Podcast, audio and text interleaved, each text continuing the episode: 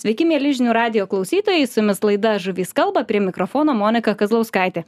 Šiandieną leisimės į tokią virtualią kelionę, kur bus uh, kelionė su gidu, mūsų virtualus gidas studijoje yra ir mes keliausime po tikrai labai atokius ir atšiaurius pasaulio kampelius, tokius kaip uh, Mongolijos stepės, taigos, Baikalo ežeras sušalęs. Tai šiandieną noriu pasisveikinti su tikrai labai įdomiu pašnekovu. E, jisai pagal išsilavinimą yra medikas, bet širdyje yra keliautojas ir žvėjas. Tai labinuosi su Kestučiu Juška. Labas, Kestuti. Labą dieną.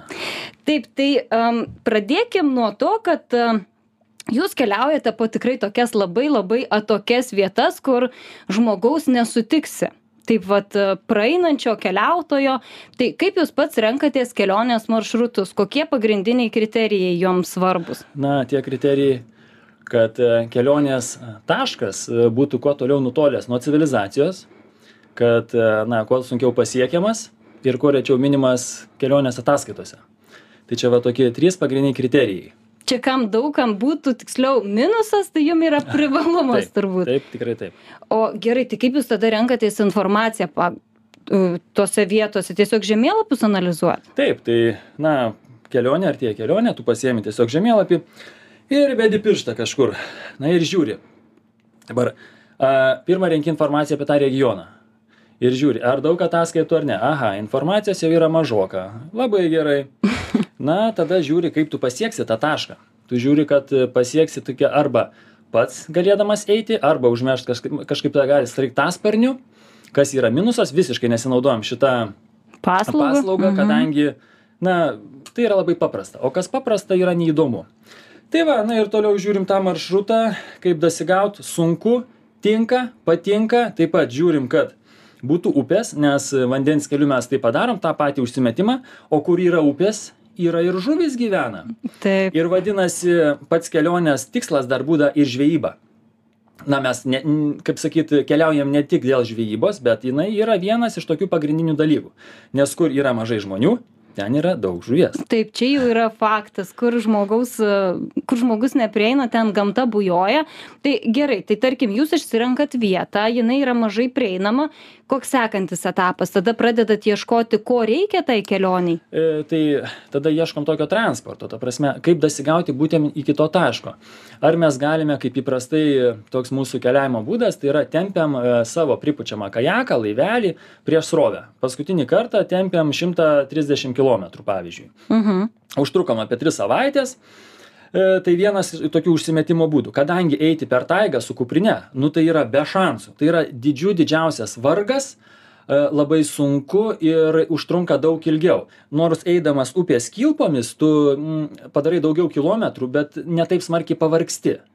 Tai, Čia tiesiog, kad daiktų pačiam neš nereikia. Taip, nereiktų nešti pačiam, bet tu vis tiek trauki vandeniu, yra daug lengviau, bet sudarai daug daugiau kilometrų. Na, bet tai yra fiziškai lengviau tiesiog. Mhm. Jūs vedat ir savo YouTube kanalą, mačiau. Taip. Ir mačiau, kaip jūs susikrovęs visą mantą, pavadinkim taip. Tai iš esmės be laivelio tokia kelionė, na, praktiškai neįmanoma.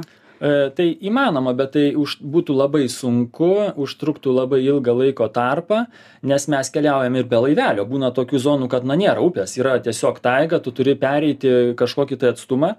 Ir kai mes pasiemam taip nekukliai, esam nusiteikę du mėnesius keliauti, tai įsivaizduokit, mes turim vieną kuprinę, kuris sveria 40 kg, tai jau nugarai toksai, žinai, aš nesu kultūristas, bet nei vieno nemačiau kultūristo lipančio, pavyzdžiui, Everestą. Mhm. Visi tokie Išskirtinai liekni. Tai visi tokie tikrai liekni būna. Na ir viena kuprinė kemkilų, o kita irgi panašiai iki 40 kg. Mes turim dvi tokias kuprinės. Kiekvienas po dvi. Na tai tu įsivaizduok, nueini vieną kilometrą į priekį, palieki tą kuprinę, grįžti be kuprinės atgal iki tos, kur palikai ir vėl eini vieną kilometrą. Vienu, tu vieną kilometrą nueini su svoriu, bet iš tikro padarai 3 kilometrus. Mhm. Tai į dieną nueidamas kokius 10 km iš viso nueini 30. Taip. Tai toks antras variantas. O trečias variantas, tai kai, e, sakiau, sraigtasparnio paslaugą mes nesinaudojame, čia per lengva, tai mes e, vieną kartą turėjom tokią nelabai gerą praktiką, kai kėlėmės arklių pagalba. Mhm. Per Tai- upę. taip kėlėmės arklių pagalba per upę mes norėjom kad jie mus tiesiog dar iš miško zonos iki kalnų perėjos užmestų arkliais nes ant arklių buvo visa manta ir mes tiesiog keldamiesi per upę per tokią va kaip už tavo nugaros maždaug nemunas ties kaunu jinai buvo srauni ledinė a didelė labai srovė ir mes kėlėmės su arkliais ir tiesiog šeši arkliai kurie buvo surišta galva užpakalis galva užpakalis ir jie pradėjo skęsti Mhm. tai mes išplaukėm ant tų arklių kaip ant plūdurų paprasčiausiai ir keturi arkliai nuskendo vienas atsikabino tai išplaukė į kitą krantą o priekinis pats arklys savo priekinėmis kojomis užkabino upės upėje esantį sėklių ir taip iš vis iš išvilko tą visą vilkstinę ir mus Mhm. taip ištempė nes kitu atveju būtų mus nunešę kažin kur o ten upėje ir pilnai užvartų yra tai ir daiktų dalis nuplaukė tai tai va toks buvo tokia nekokia praktika iš tikrųjų Skamba labai pavojingai, iš esmės jau ten gyvybės ir mirties Tai klausimas čia, turbūt tai aš sakau, sakau savo draugui Dariui, sakau, nu mes galim po kokius 3-4 gimtadienius švesti, nes čia vat kaip vienas toks vat pavyzdys buvo. Mhm. Bet iš ankstesnių jūsų pasakojimų supratau, kad tie ir, e, žirgai, arkliai nebuvo labai gerai paruošti, ar ne? Na ir arkliai, buvo laukiniai, juos prijaukino, kaip sakyt, na, paruošė žygiui per kelias dienas tik tai, kol pakinkė, kol viską, tai žmonės šiaurėje labai neskuba. Pas juos e, greitai, tai gali būti po savaitės, o mums greitai, tai, na, ir į darbus, ar ten į mokslus reikia. Tai jie labai nesiskubina, tai tie arkliai, aišku, buvo laukiniai, bet pats sprendimas, mes pasitikėjom, na, tu tam krašte svečias. Ir tu tikiesi, kad tai žmonės daro, na, ne kasdieną, bet jau jie yra, tai turi patirties tam, praktikos. Ir kažkaip patikėjom, bet taip žiūrėjom, taip, na, skersokai, tai visai Mhm. galėjo baigtis iš tikrųjų. Mhm. Tai žirgam visai ir baigėsi laimė jūs, bent jau išplaukėt. E, Nu, baisu buvo iš tikrųjų. E, Kęstuti, noriu dar paklausti apie Baikalo ežerą. Jūs keliavo ten vienas žiemą. Mes žinom, kad Baikalas yra didžiulis ežeras, jau čia nekalbam, tiksliau kalbam apie tai, kad tai yra giliausias pasaulio ežeras. Klausytojams, kurie galbūt pamiršo geografijos pamokas, tai priminsiu, kad vat, prieš laidą pasidomėjau, vidutinis gilis 730 metrų, o didžiausias gilis daugiau nei pusantro kilometro.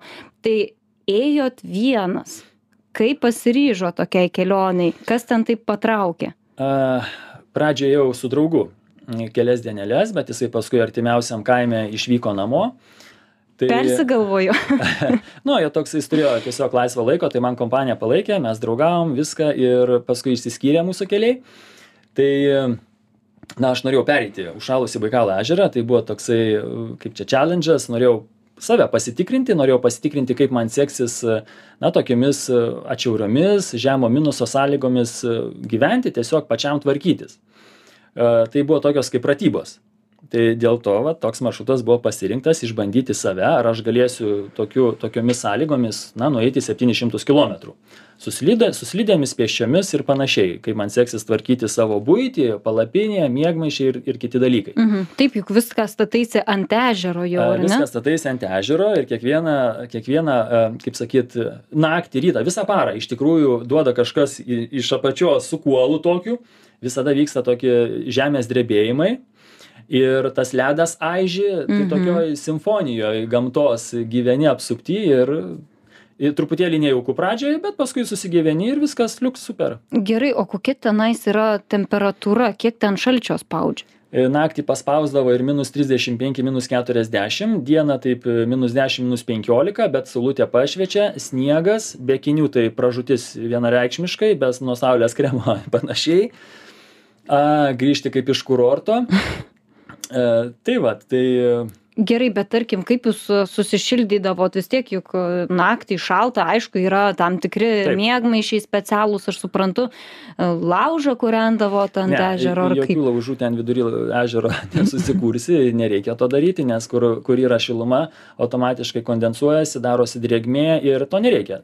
Tu būni, ten yra sausas klimatas, kur sausa ten yra gerai. Drėgmė pas mus prie Lietuvoje prie minus 35 esu miegojęs, traška braška miškas, lūšta šakos, nu labai labai šalta, žiauriai šalta, ten tokio šalčio nėra. Aš ten prie minus 15 dieną eidavau su termo maikutė, savo žygiuoju, šilta, sustoju, užsimetu pukinę striukę, Mhm. pavalgau išgeriu arbatėlės ir va taip, va, e, fainai, labai. Gerai.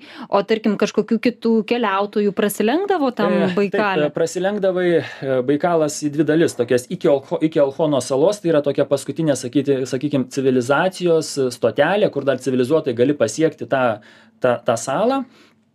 Tai e, dar sutikdavai vieną kitą žmogų, o vėliau prasideda visiška jo- jokia civilizacija, nėra jokios civilizacijos, yra tik tai meteostancija, e, meteorologinė stotis ir viskas aplinkui kalnai miegančios meškos e, ruoniai ir ir ir omuliai o koks yra ledo storis tenai? Aš dabar tiksliai nepasakysiu bet aš manau drąsiai siekia ir du metrus ir pusantro metro. Mm, ir kartais tu ei- eidamas per per baikalo ežerą tu matai kad tai yra trūkęs ledas. Ir iki kito ledo tu turi šokti tai yra du metrai.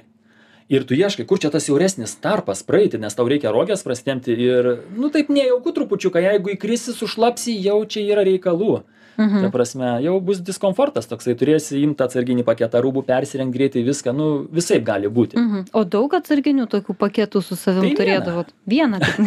Vienas džiūva, kitas paruoštukas, E? Tokiam, e, kas liečia tokiose kelionėse, visada turi labai gerai apgalvoti kiekvieną savo veiksmą, judesi. Niekada nereikia skubėti, e, aš tą esu jau išmokęs, viską reikia daryti, kaip dariukas sako, dviem pirščiukais, neskubant, iš tikrųjų taip reikia. Niekada nereikia versti šokti per galvą, skubėti. Nedaug dievė. Užšoksi, ne, nekalbant apie tai, apie Baikalą ežerą, us- miške užšoksi ant kokio rasto, kur išlindęs koks nors, kokia e, aštriai nulūžusi- nulūžusi šaka tau pradurs e, kažkur tai šlaunį ar dar kažką, tu nesustabdysi krojame niekaip. Yra tokių vietų, kur nu, tu nesustabdysi krojame. Viskas. Ir tai va, tai viską reikia daryti atsargiai ir kiek įmanoma apgalvotai. Mhm. O ar žvejojot Baikalę, ar gal matėt, kaip kiti žvejojo? Nežvejojau, bet aš sutikau žvejojančių žmonių, jie taip pat gaudo, kaip supratau, tos pačius kiršlius. A, kiek girdė, na, vietiniai gaudo su tinklais e, e, omulius vadinamus. Mhm. Čia Lašiši- lašišinė lašišinė žuvis omulius, jie- tai yra pragyvenimo šaltinis, bet jau kuris laikas žinau, kad yra jų žvejyba uždrausta, nes Mhm. jie yra ant išnykimo ribos, saugoma jūroje populiacija, bet vietiniam tai yra pagrindinis pragyvenimo šaltinis, nes jeigu jūs traukinių stoti kur nors sustotumėte, jūs matytumėte, ten šaltai rūkytas, vytintas, karštai rūkytas omulis parduodamas, yra kaip delikatesas a, turistams. Mhm. Bet įsivaizduoju, žvėjai verslininkai, jeigu ten tinklais gaudo, tai įsipjauna didelės sekėtės, ar ne?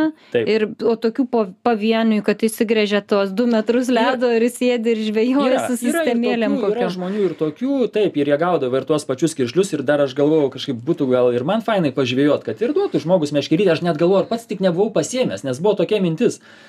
E, Ir graštą pasim, bet jau buvo visko, nu, per daug ir taip tos mantos yra.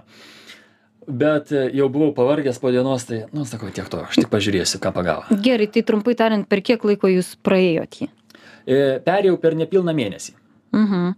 neskubėdamas savo viską, nu kaip, skub, iš tikrųjų skubėjau, nes aš dasivėjau ir Lenkus tokius, tai tie Lenkai vieną dieną sako, nu žinai ką, mes per dieną dar tiek nenuėję nie karto gyvenime nebuvom. Sakau, vyrai, nes temsta, jau jie irgi matau, noris šilumos ten kažkur laukia, jau ten tam Alkono saloj, sakau, varom, varom, nu viską mes padarėm, ką reikia. Įmušėm, kai sako mano draugas. Mhm. Man asmeniškai dar labai įdomi yra Mongolija. Aš nebuvus, bet svajoju ten nuvažiuoti, dar atrodo tokia turistų per daug, ne, taip Mhm. kabutėse pasakysiu, nenutrinta šalis, tikrai dar unikali, yra ką pamatyti. Tai ten irgi vienas keliavot. E, Taip, ten keliavau vienas, bet ką noriu pabrėžti, a, kad e, gali drąsiai važiuoti ir tu, būdama mergina, nes, e, kiek žinau, tai yra saugiausia šalis pasaulyje keliauti merginai vienai. E, Ta sužinojau paklausdamas merginos, nes aš sutikau ją, sakau, tu viena tokiuose stepėse, tyruose, taip sako, ir man pasakė šitą faktą. Mhm. Geras, o tai čia dėl to, kad žmonių tiesiog nesutiksi per ne, daug tose stepėse. Bet e, kiek man pačiam teko susidurti, mongolai yra taip ganėtinai draugiški žmonės, labai paslaugus. e, Na nežinau, tokie, man atrodo, planai žmonės gyvenantis e, taigoje, gyvenantis kažkur tai laukiniai gamto, jie kažkaip užprogramuoti gal būti tokiais gerais. Nu, jie privalo būti turbūt tokie mm, iš vidaus, iš savo prigimties, nes a, jie priklauso daugiau mažiau vienas nuo kito, jau pas juos, pas juos genuose turbūt tas toksai gerumas, nes jie vienas be kito gali prapulti labai lengvai. Mhm. Mongolija garsi, ko gero, didžiausiais pasaulyje kiršliais. Ar teko pagauti? E, Kiršlių pagauti neteko, nes e, kiršlius, jeigu neklystų, gaudo Hupsugul tokiam ežere, va mano vienas draugas Lenkas, su kuriuo irgi e, ėjom atkarpėlę, jisai dabar norėjo tą ežerą pereiti užšalus ir šiemet, va dabar mačiau nesenai Instagram'e. E, tai tame ežere gaudo. Aš leidausi Mongolijoje upėmis, e, kuriuose gyveno taimeniai ir lenokai. Mhm. Lenokas, man atrodo, taip ir vadinasi. Ar šiaurės upėtakis gal. Bet žvėjai žvėjai tai dauguma jų žino, kad tai yra lenokas. Mhm. Gerai, tai kokio uh, meškerykočių pagaut? Spiningas, muselinė, ką E, vežėjai? Įvairiais galite žvejoti ir spiningėliu. Kokiu lengvu, nedideliu, nedidelę blizgutę galite muselinę meškerę žvejoti. Upės e, e, nėra labai sraunios, kaip tik aš turėjau tokį atkarpą, kad tiesiog vidury upės stoviu, negaliu patraukti savo laivelio, įsivaizduojat. Kadangi svorio yra šiek tiek ir jis, nu, dugną siekia paprasčiausiai. Bet e, labai tokios e, žuvims e, patinkančios vietos, tokios tai duobė, žiūrėk, tai kažkur savartos. Tai, nu, super. Mhm. Gerai, tai kokio dydžio to žuvis užkibo ir koks masalas ten jam pasteisino? Tai menį pagavau vienoj nuotraukoj, kiek jis buvo, gal 5 kg. Nu, taip gero metro. kažkur. Gero metro, bet kaip žinai, kaip žvėjai perdeda, tai gali būti ir mažesnis. Gali būti ir 70 Gali. Paskui cm. kitą mažesnį pagavau, bet vieną tokį įsikinkiau, tai žiūriu, kad jis mane su tuo e, laiveliu pripučiamu, jis mane jau prieš srovę traukia. Mhm. Tai Stiprios žuvis, Aš kovingos. nesitikėjau, tai tai mėnesis, tai ką tu? Mhm. Faktas. Tai va, tai tokius, o paskui lenokai, tai įprastai, lenokų labai daug, tai meni, tai gal reikia paieškoti, bet tu naktį girdi, kaip jie tiesiog taškosi rytais, pavakariais, jų medžiojimo laikas yra. Tai jokios pelės neturėjau, tai turėjau tik spiningėlį, tai to spiningėlį ir gaudžiau. Mhm. O kažkokių žvėjų sutikdavai? Sutikau vieną kartą netoli kaimo. Žveja su paprastu spiningu, su botais, jisai savo pašnekėjom kažką, nu, nereikia šnekėti, tu vienas į kitą pažiūri, parodi, ką turi tam žmogui ir, ir vienas kitą supranti, nusifotografavau, aš atsimenu su juo ir mes. Mhm. Aš sakau, viso geriausia, jisai man ten irgi kažką. Supratot save Aišku, kažkaip ten kalba pasakyti. nereikia, nereikia Aha. nieko ten, jokių kalbų žinoti, kai kur užtenka tiesiog e, iš veido, iš mimikos, iš gestų Mhm. vienas kitą supranti. Bet Mongolija apskritai tokia dar yra garsi šalis, kur daug kas a, traukia dėl tų didžiųjų egzempliorių žuvų. Kad ar tikrai ten knibžda žuvų Knibžda. tose upėse? Knibžda. Aš eidamas sutikau mm, tokią kaip žvėjų bazę. E, Dar buvo tuo metu ne sezonas, e, tai taip, ten ir tokios valtys specialiai pritaikytos jau atsistoju žvėjoti ir tai su museliniam meškerėm ar tai su spiningais e, tam skirtos ir tų bazių yra ne viena. O egzempliorių taip tikrai yra ten didelių, nes galbūt tai nėra labai populiari tokia žvybos vieta. Ta prasme, jinai yra populiari tiek, kad e, daromos tos turistinės kelionės, tos kraštus, bet jie tiek nenužvėjoja, nes yra pagavai paleisk principas, vietiniai nelabai žvėjoja, kaip supratau. Tai jie kažkaip užsiema kitom veiklom ten. Jų Mhm. žvejyba turbūt nėra labai didelis hobis. Mhm. Tai Taip. ir to žuvies atitinkamai. Aha, gerai, bet tarkim, tam Mongolijai pasiruošimas, kaip vat, žinot, kokius daiktus susikraut, ko reikia įsidėti, kad neįsidėt per daug į kuprinę. Keliaujat vienas, juk ne parduotuvės nesutiksit kažkur pakeliui. E, Taip, tai čia yra autonominės kelionės principai. Tiesiog kas reikalinga kelionė. Mes visada, kai išvykstam, nesvarbu, ar tu vienas, ar tu dviese, kai tu vienas, aišku, daugiau daiktų, daugiau vargo yra, e, bet visada galvoju taip, kad mes galėtume išgyventi kelionę du mėnesiai, tai gerai, kad mes galėtume išgyventi kelionę bent tris mėnesius. Tai ir dėdiesi tas, kas yra būtiniausia. Dėdiesi ir to maisto tiek, kiek reikia. Niekada negali pasitikėti, kad pagausi ant žuvies, aš čia maitinsiuosi žuvim, bus viskas super. Nevelnio. Buvo toksai atvejis, kai mes maitinomės tik žuvim, vis tiek nėra galios, nėra sveikatos, maitinkis uogom, nu tai berinkdamas tu pavargsi tas uogas, ten tų kalorijų labai yra nedaug, žuvie taip pat yra nedaug kalorijų, ikrai be duonos neskanus ir, ir visa kita. Tai, e, na, ne pirmi metai keliauju, žinau, kokius pasimti daiktus ir kaip skaičiuoti maršrutą, kas yra svarbiausia, būtiniausia, kad negink, ne, ne, ne, neduok dievę, pamesi puodą, tai vargų vargas, kad tikrai man nereikia kirvio, o užtenka paprasto pjūklelio. Mhm. Ir šitus dalykus žinodamas, tu gali drąsiai leistis į tokią kelionę. O buvo tokių daiktų, kad gal velniop, kam aš čia pasiėmiau. Aišku, visada tai būna. Kiekvieną, kiekvieną kartą tu sėdėdamas vakare galvoji taip. Čia to objektyvo trijų su puse kilų nereikia. Bet čia dar buvau e, Pradedantysis. senai, senai. Bet vis tiek visada atsiranda kažko kad e, nereikia. Dabar taip nepasakysiu ant smūgio bet e, Mhm. tikrai atsiranda. Tu kiek su kiekviena kelione tu taip išdirbi tą sąrašą kad pas tave tik būtiniausi daiktai būna iš tikrųjų. Ir dar kažką turi padubliuot gi. Mhm. mesi puodą. Nu tai gerai liks arbatos puodas. Kaip košę įsivirt? Nu kaip košę įsivirt kaip tu gal? Kaip įsivirt košę? Sibire be puodo. Mhm. paimi hermo maišą e, pripili vandenio ir ką iš laužo tuos akmenis meti kad užvirtų tai bet tai koks tai yra vargas o nežinau grikius sausus valgyt Na jo, mažas malonumas. nu Kestuti, dar būtinai panaršysim po tavo kelioninę kuprinę. Dabar turim išsiskirti trumpai pertraukai, labai greitai sugrįšim. Lėkit su žinių radiju.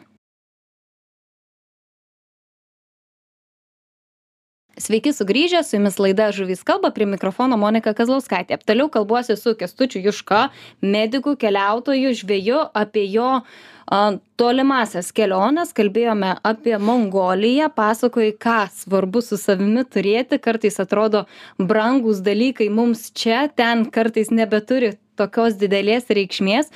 Tai vis dėlto man buvo labai įdomu paklausti tavęs tokio dalyko. O kokias komunikacinės priemonės turi ar visiškai jokių? E, buvo laikai kai mes neturėjom nieko tik pastaruosius paskutinius metus tai įsigijau delormą. Inryčią jau dauguma Kas žino. tai yra?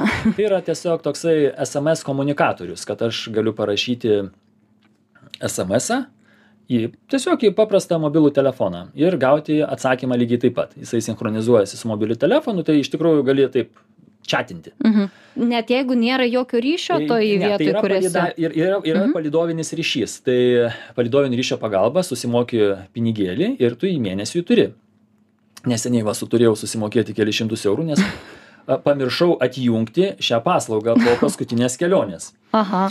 o anksčiau mes neturėdami jokių ryšio priemonių nes kaip stud bet nors kaip ir studentas visą laiką dirbau ir tik paskutiniais metais aš jį įsigijau o tai yra nu labai svarbus iš tikro ir aš kai pagalvoju kai mes išvykdavom į jakutiją po porą mėnesių negrįždavom ir jokios žinios tai tu grįžti į civilizaciją ir galvoji na kokios čia naujienos kaip ir taip įdomu iš tikrųjų kas pasikeitė per tuos du mėnesius pasaulyje nes keičiasi viskas labai greit Mhm. E, tai kad pasikeitė tai nieko bet e, pavojaus ar nelaimės atveju tai yra labai svarbus reikalas Mhm. Tokiose atšiauriose kelionėse atrodo, na vis tiek visokių pavojų už kiekvieno kampo tyko, ne tik tais gali būti ir kažkokie, na, meškos, apie kurias dar pasikalbėsim, bet lygiai taip pat, kaip ir pokalbio pradžioje minėjai, kad yra užliptų ne ant tos šakos, prasidursi, galų gale peršalsi, įkrisi į vandenį a, kažkokių medikamentų, kažkokių priemonių, tvarsliavų, turniketų, kažko reikia pasiimti. na aš esu matęs vaistinėlių nuo nuo tokios kelioninės tašės dydžio iki visai mažyčių. Bet viskas turi būtų būti proto ribose ir turi galimai numatyti na kas gali atsitikti tokio ūmaus. Nu apendicitas. Na pakankamai ūmi tokia būklė kad ką daryti? Na tai bent jau pasiėmi antibiotikų. Jau kelių rūšių pasiėmi vis tiek. Ar tau ar draugui reikės. Mm, kažkokios tvarsliavos reikia turėti. Paprasčiausiai simptominiam gydymui e, ibuprofenas paracetamolis kad e, tiesiog mažintų uždegimą skausmą temperatūrą. Tai reikėtų kažką reikėtų Mhm. Bazinis toks paketas bazinis, kas sugeba bet čia nebū nebūtina būti gydytoju kad galėtum susiūti žaizdą. Esu girdėjęs ne vieną istoriją kaip e, eilinis žmogus susiuva kažkokią tai žaizdą. Nes kitu atveju baigtųsi blogai tai na galima ir lidokaino kažkokio pasiimti kad nusijautrinti kad tą sakykim mini operaciją galima būtų pasidaryti na be skausmo tas pats vat ką reikėtų daryti kai kabliukas perveria pirštą ar nykštį nu kažkokias turėt e, e, žnyples kad ar nukirpt ar nulenkt ar na nežinau vat reikia tokius irgi pagalvot nes e, tai būna dažnai Mhm. Kur šiaurė, kur upės, kur lašišinės žuvys, ten ir meškos.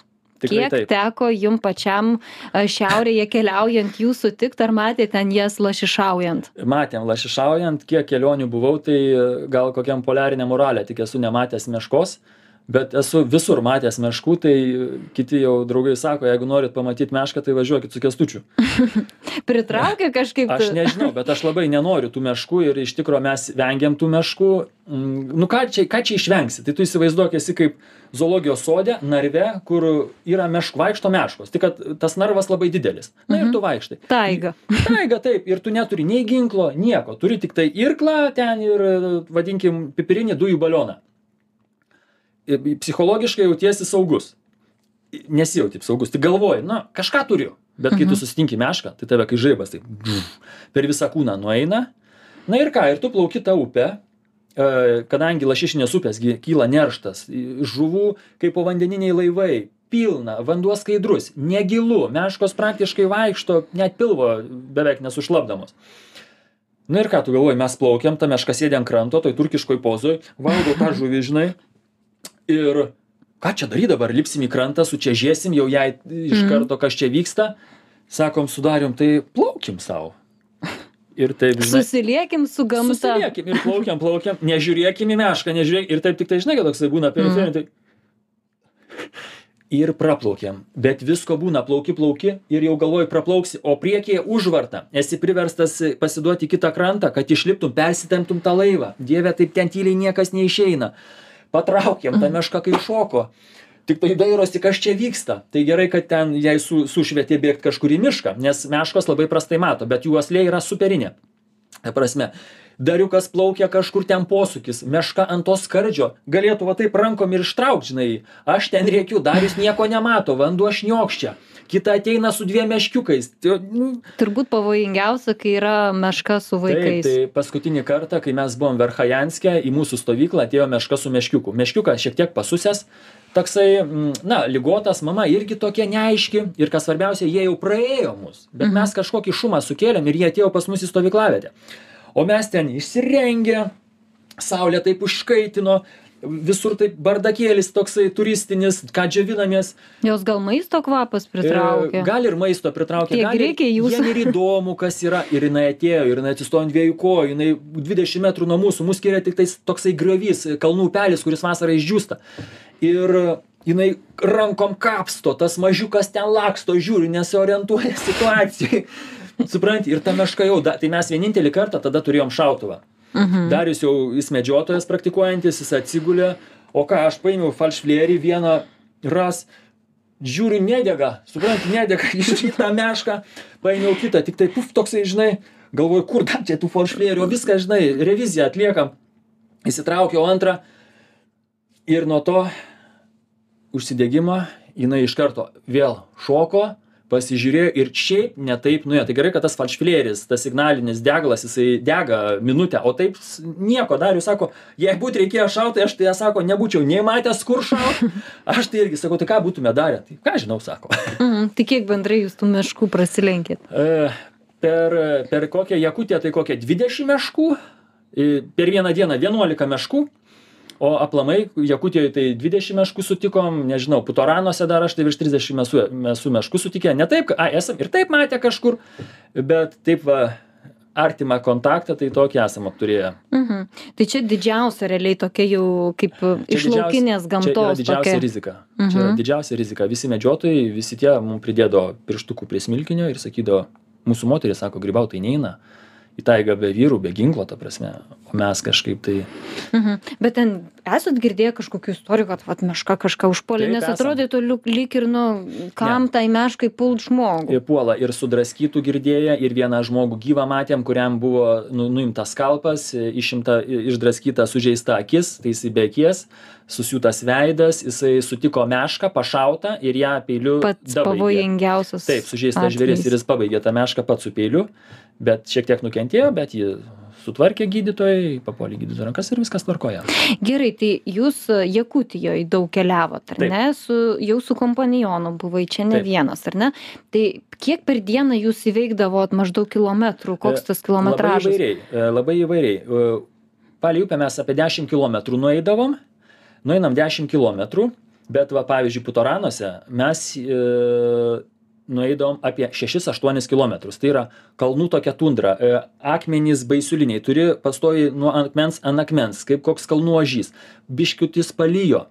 Jau tie akmenys slidūs. Žiūrėk naktį vėl pašalo užtraukė ledukų saulė pašvietė vėl atleido. Labai yra sunkus ėjimas ir negali skubėti. Pasinarinsi čiurną.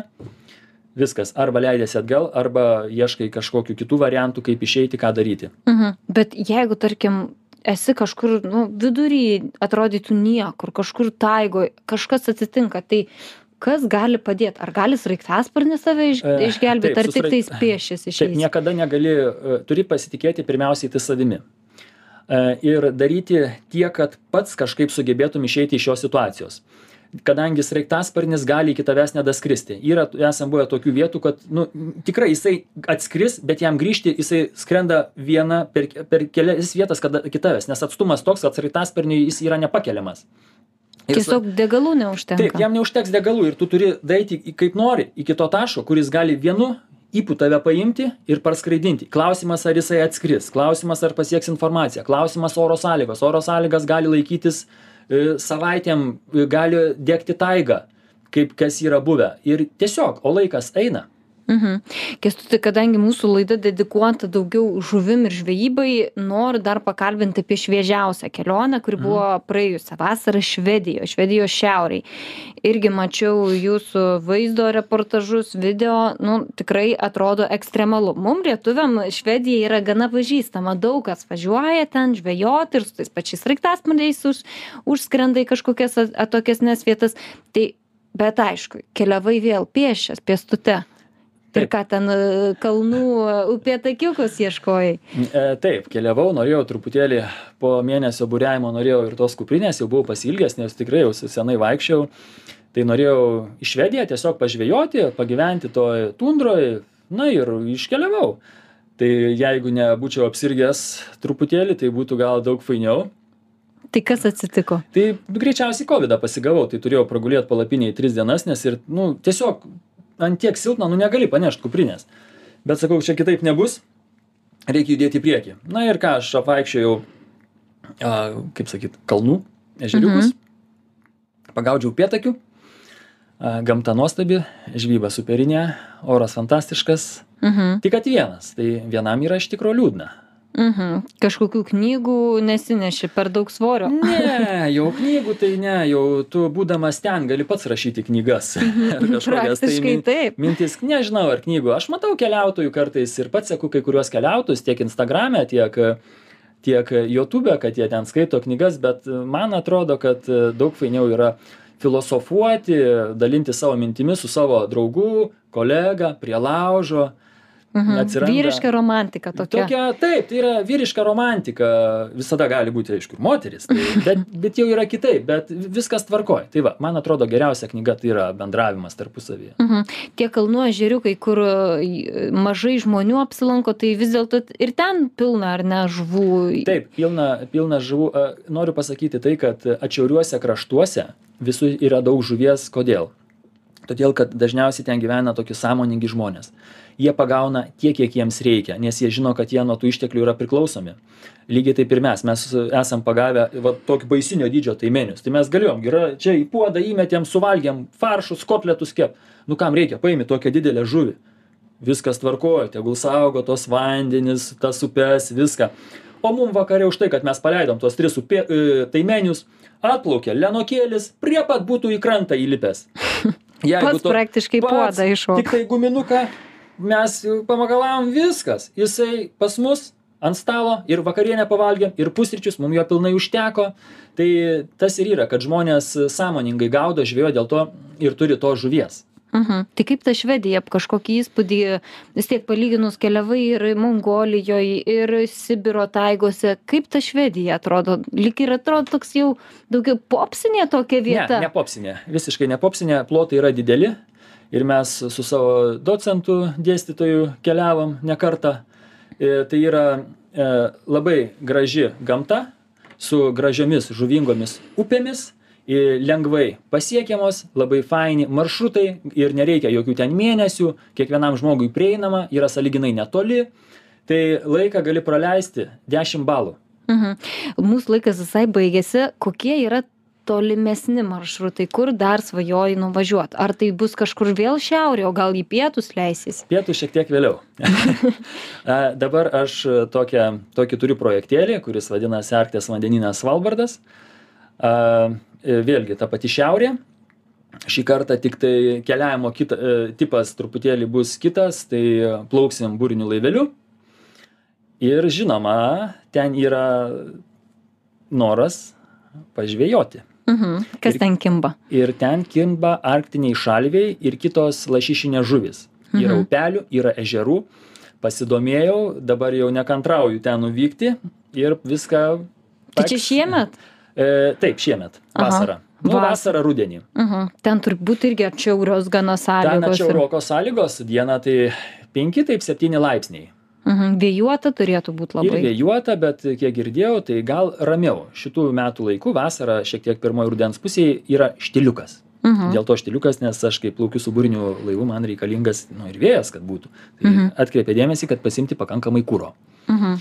Taip, galbūt iš klausytojų kas nors susidomėjo kelionėm tokiom, a, kaip sakau, vienom labiausiai nurautų kelionių, nori kažkur vienas iškeliauti arba su draugu į tokias keliones ir, vat, na, mūsų laikas visai baigėsi, bet galbūt kas nors norėtų pasidomėti daugiau. Tai kestuti, gal kažkur savo jau įspūdžius ankstesnius dokumentuoji, rašai, vat, knygą gal jau kažkokią. E, ne, Kur galima knygos- sužinot daugiau? Knygos dar nerašau, nors gal ir galėčiau, e, bet e, anksčiau rašydavau į žurnalus, o dabar nusprendžiau savo mm, visą kelionių video medžiagą sukelti į e, dabar kelių YouTube kanalą.